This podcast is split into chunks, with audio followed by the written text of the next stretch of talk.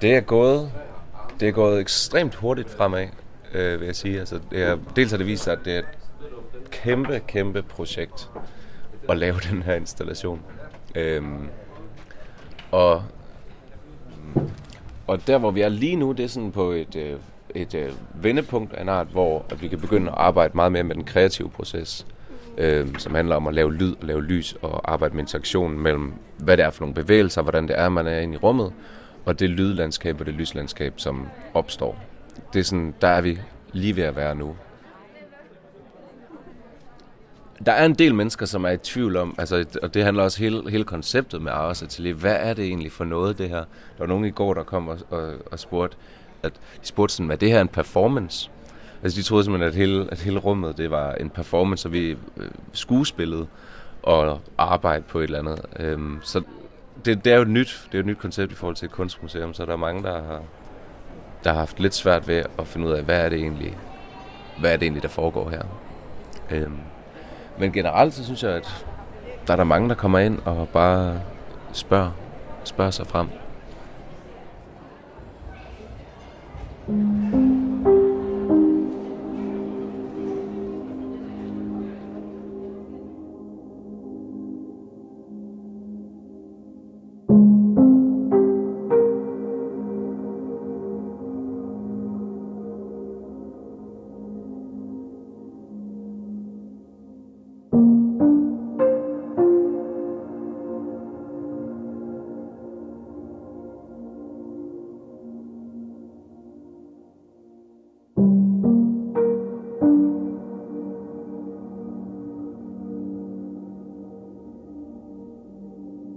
Velkommen. Du lytter til andet afsnit af podcastserien om Aarhus Public. Podcasten udkommer en gang om måneden og er et lydligt indblik i de events og arrangementer, der sker i Aarhus Public. Mit navn er mig, Bjørn Ørskov, og jeg arbejder som programplanlægger på Aarhus Public. I Aarhus Public arbejder vi hver måned ud fra et tema, der definerer nogle af de events og arrangementer, som vi afholder på etagen. I november måned har temaet været håndværk. Så i dette afsnit skal du høre om vores første udgave af Live-magasinet. Et fysisk magasin, der gør avisformatet levende gennem journalistiske og kulturelle indslag. Og du skal vikles ind i garn til vores strikkeaften, hvor unge som ældre samlede sig til en ulden aften i strikkens tegn. Indimellem skal vi også besøge kunstneren Christian Reider, der arbejder i vores atelier. Det var ham, du hørte fortælle om sin lydinstallation for lidt siden. Rigtig god fornøjelse.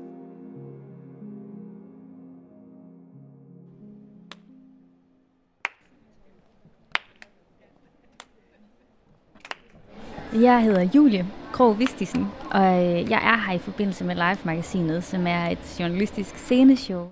Det, der sker for tiden om morgenen, når Ruth, min datter, hun skal have tøj på, det er, at inde på hendes værelse har vi sat et lille spejl op nede i, i hendes højde. Og jeg elsker de der 10 minutter øh, om morgenen, hvor Ruth står og betragter sig selv, fordi hun har så optog over sin egen krop. I morges sad jeg og tænkte på, at for mig, det der med, at, at vi har et tema hernede, der handler om håndværk, det handler også for mig om at stille skarp på, hvad er det egentlig, vores krop kan. Øh, hvad er det for nogle fantastiske ting, vi kan skabe med vores krop. Det specielle er, at det er premieren på Aarhus Public. Øhm, og derudover så er det særlige i aften, det er temaet, der hedder håndværk hvor vi øh, skal snakke om, hvad er det for nogle neurologiske forbindelser, der er til vores hænder, imellem vores hænder og hjerne. Øhm, sådan helt zoom ind på hånden på den måde. Og derudover så skal vi også snakke sådan lidt mere åndeligt om, hvad er det egentlig, vi bruger vores hænder til i samfundet. Det, det for mig er vigtigt ved at blive ved med at tale om håndværk, er at sige, men vi må stadigvæk blive ved med at forundre os over, hvad vi kan skabe med vores hænder og hvor vigtigt det er, at vi øh, ikke kun bliver fokuseret på alt det, vi kan med vores hoveder.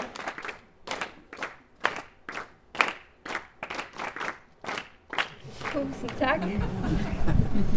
I har lige kreeret noget med jeres hænder. De kilder, vi har i aften, har vi fundet gennem sådan en helt almindelig redaktionel proces, hvor vi har udvalgt de mennesker, vi synes kunne være med til at knække temaet på den måde, som, som vi fra Live-magasinet synes, at, at temaet skulle knækkes på. Jonas Christoffer Lindeløv, han er adjunkt i kognitiv neurovidenskab og neuropsykologi ved Aalborg Universitet. Og øhm, han skal ligesom fortælle om den her neurologiske forbindelse, vi har imellem hånd og hjerne, eller hånd og hoved. Det, der er rigtig fascinerende, og det, der, det, der er fedt ved specielt hænderne, når man arbejder inden for neurovidenskaben, det er, at de er virkelig smukt organiseret i hjernen. Og så kommer Sigurd Buk Christensen, som bruger sine hænder til at bygge båd med, men så er han også forfatter derudover. Han skal snakke med journalist Jakob Dybro om forbindelsen, eller skal sige, koblingen imellem hånd og ånd. Jeg er jo næsten invasiv, ikke? Altså, jeg er næsten sådan en kolonimagt, der kommer med min litteratur hjerne, ikke? Og, og tror, at det hele er bevidsthedsudvidende, ikke? Og så siger de, prøv nu tager du fat, ikke? Nå ja, altså, så tager vi fat. Og så er der Wayne Siegel til sidst, som øh, kommer fra det jyske musikkonservatorium, og han performer så sin, øh, et værk, der hedder Two Hands Not Clapping.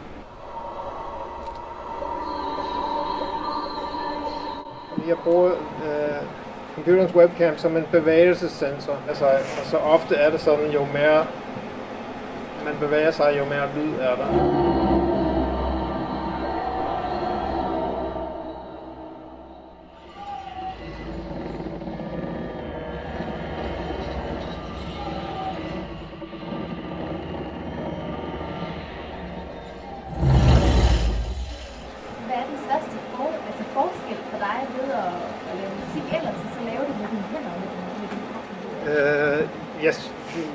Jeg synes bare, det er fantastisk at kunne, at kunne arbejde i nuet. Ja. Uh, der er meget, der er planlagt uh, på forhånd, men, men jeg kan forme tingene lige præcis, som, som jeg vil.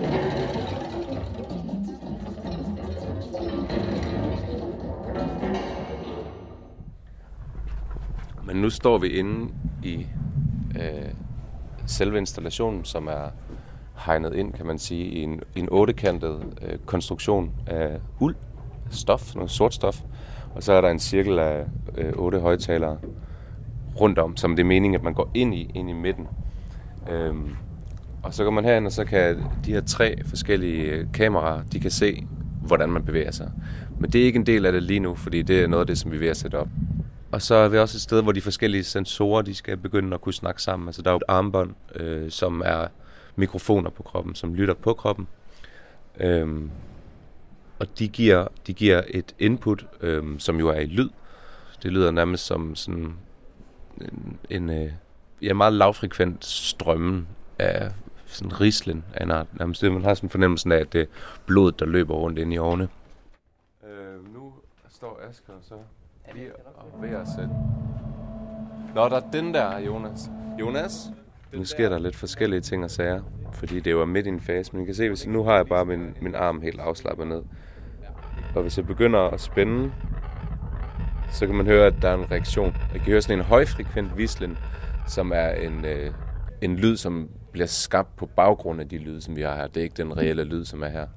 Men der er også en mere lavfrekvent rumlen, som jeg tvivler, om man overhovedet vil kunne høre på den her podcast. Men I kan ligesom høre, det lyder lidt som en torden eller noget i den retning.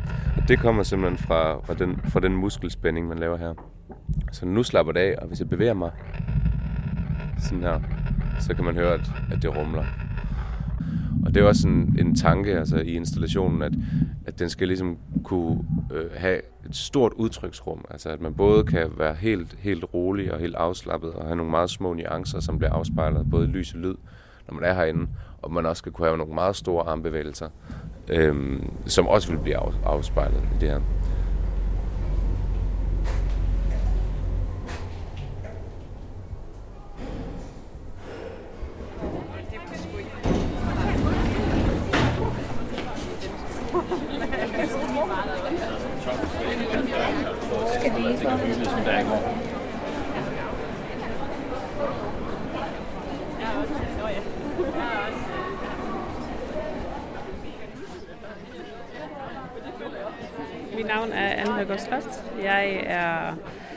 Øh, er her, fordi at, øh, jeg ved noget om strik. Jeg har strikket siden jeg var fem år gammel. Jeg kommer fra Færøerne, hvor det er en stor del af hele min, eller hele ens opvækst, i hvert fald var det i min. Øh, efterfølgende har jeg så taget en øh, uddannelse ned på designskolen som tekstildesigner. og har de sidste fem år arbejdet med det. Øh, sådan, I haft, jeg har eget firma, og så underviser jeg også øh, på, på VIA University øh, College, hvor jeg underviser i faget håndværk og design. Øh, så det, det, det, jeg synes, det er lidt øh, svært at finde rundt i det med, med helt nøjagtigt, eller det er i hvert fald det, jeg kan læse mig til, at man faktisk ikke rigtig ved, hvem der opfandt strik. Men jeg tror, at det, som jeg kan konkludere, det er i hvert fald, at det opstod ikke i Europa. Når mændene de var ude i bådene, så kunne man se, når de vendte hjem igen, så var det faktisk hurtigere at spotte, om ens trøje var med, eller om ens mand var med, hvis man kun skulle kende hans profil eller noget andet. Så alle de der mønstre, vi har strikket, siden jeg var helt lille, jamen det er jo ikke kun, fordi vi synes, det er pænt, vel? Det har mange funktioner. Jeg hedder Lasse Nyholm Jensen, og jeg er poetry slammer blandt andet, og så er jeg det, der hedder selvvalgt fattig, selvforsynende mand, der bor langt ude på landet, og blandt andet også strikker. Det er derfor, jeg er her i dag. Og jeg har lovet endda mig, at jeg ville strikke lidt imens. Også øh, bare for at bevise, at jeg godt kan strikke. Ellers øh, det kan enhver mand jo bare komme og stille sig op og sige, at øh, jamen, selvfølgelig kan jeg strikke. Det kan alle mænd jo. Øhm, det kan vi selvfølgelig ikke. Øhm, men det er vi nogen, der kan. Og måske, måske tager det fart snart. Øh, og der er flere end mig, der gør det. Jamen, jeg skal fortælle om min vej hen til strikning, men det kommer til at handle om alt muligt andet, og, og, og det bliver sådan en blandet løs snak om, hvordan jeg øh, lever, og så krydret med, øh, med poetry slams, altså, øh, altså tekster, som er skrevet med henblik på at blive fremført foran et publikum. Det er mundtlig litteratur, eller spoken word, som det hedder. Jeg er begyndt at strikke. For det, der er med strikning, er jo, at det er enkelt. Og det er dejligt afslappende. Det, man slår nogle masker op på en pind, og så strikker man frem og tilbage, og der er to slags masker. Der er retmasker og vrangmasker. Jamen, det er jo... Øhm, det er noget med ligesom at have vendt ryggen til hele forbrugssamfundet og øh, ja, konkurrencesamfundet øh, i høj grad, og så, og så i, i stedet for at gå en masse på arbejde og tjene en masse penge og bruge dem ude i nogle butikker, så har man ingen penge, men har til gengæld en masse tid, som man så kan bruge på lige det, man vil.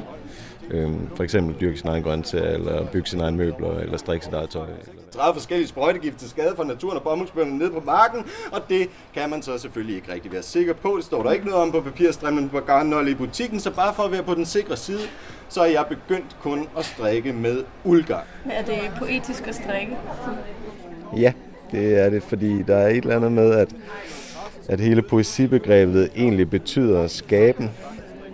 Øhm, så på mange måder er hele mit liv egentlig poetisk på den måde, at det handler om at skabe ja, sit liv selv, og også blandt andet skabe nogle sokker og nogle trøjer samtidig. Så på den måde kan man godt sige, at det er poetisk jeg. Så jeg begyndt at indhegne et stykke af min græsplæne, så jeg kan have en flok får gående. For det, der er så dejligt med at have sin egen får, er, at så kan man gå og snakke med dem, og kigge dem ind i øjnene og fodre dem ordentligt og sikre sig, at de har det godt. For så kan man faktisk, så snart fårene er fodret, vandet, klippet, ulden er vasket, renset, sorteret, kartet, spundet, tvundet, farvet, viklet til nøgler, sætte sig ind og strikke sig på rene farvestrålende som vidtighedsfulde sokker nogle år senere.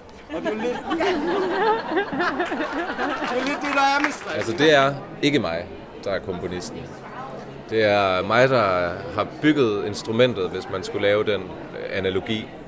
Så er det mig, der har bygget klaveret. Øhm, måske endda opfundet klaveret, det ved jeg ikke. Men altså, det, det er ikke mig, der komponerer det.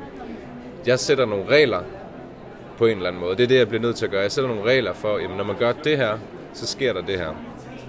Men der er ikke noget, der er forprogrammeret på nogen måde. Altså, det er ikke sådan, at man gør et eller andet, og så starter man et track som starter på en eller anden måde. Altså det er lyd, som reagerer på mennesket. Så det er, det er, øh, det er museumsgæsten, som både er komponisten, men som også er værket i det hele taget, fordi der er ikke noget værk, før der er et menneske, der er i det. Jeg har virkelig kunne mærke en stor, stor forskel på den fase, som jeg har beskrevet indtil nu, som meget har været organiserende, og som har været at konstruere en masse ting bagved, og programmere, og alle den slags ting, som skal til for, at installationen kan blive til noget. Det, den periode har det været sværere at have en dialog med gæsterne om, hvad det er for en installation, fordi så har det været meget abstrakt. Man har snakket om noget, som der ikke var til at se, ikke var til at føle på, ikke var til at ja, i det hele taget forholde sig til i lige så høj grad. Og i går, som var første dag, øh, vi ligesom arbejdede med lyden og stod i rummet og havde højtalerne, der var det en helt tydelig forskel, at, øh, at de, gæster, som, som var inde, de i langt højere grad kunne forstå, hvad det var.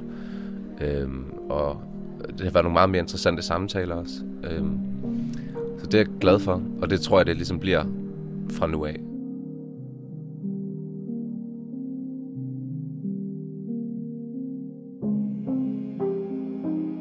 Mit navn er Maj Bjørn Ørskov, og du har lyttet til Ares Public Podcast.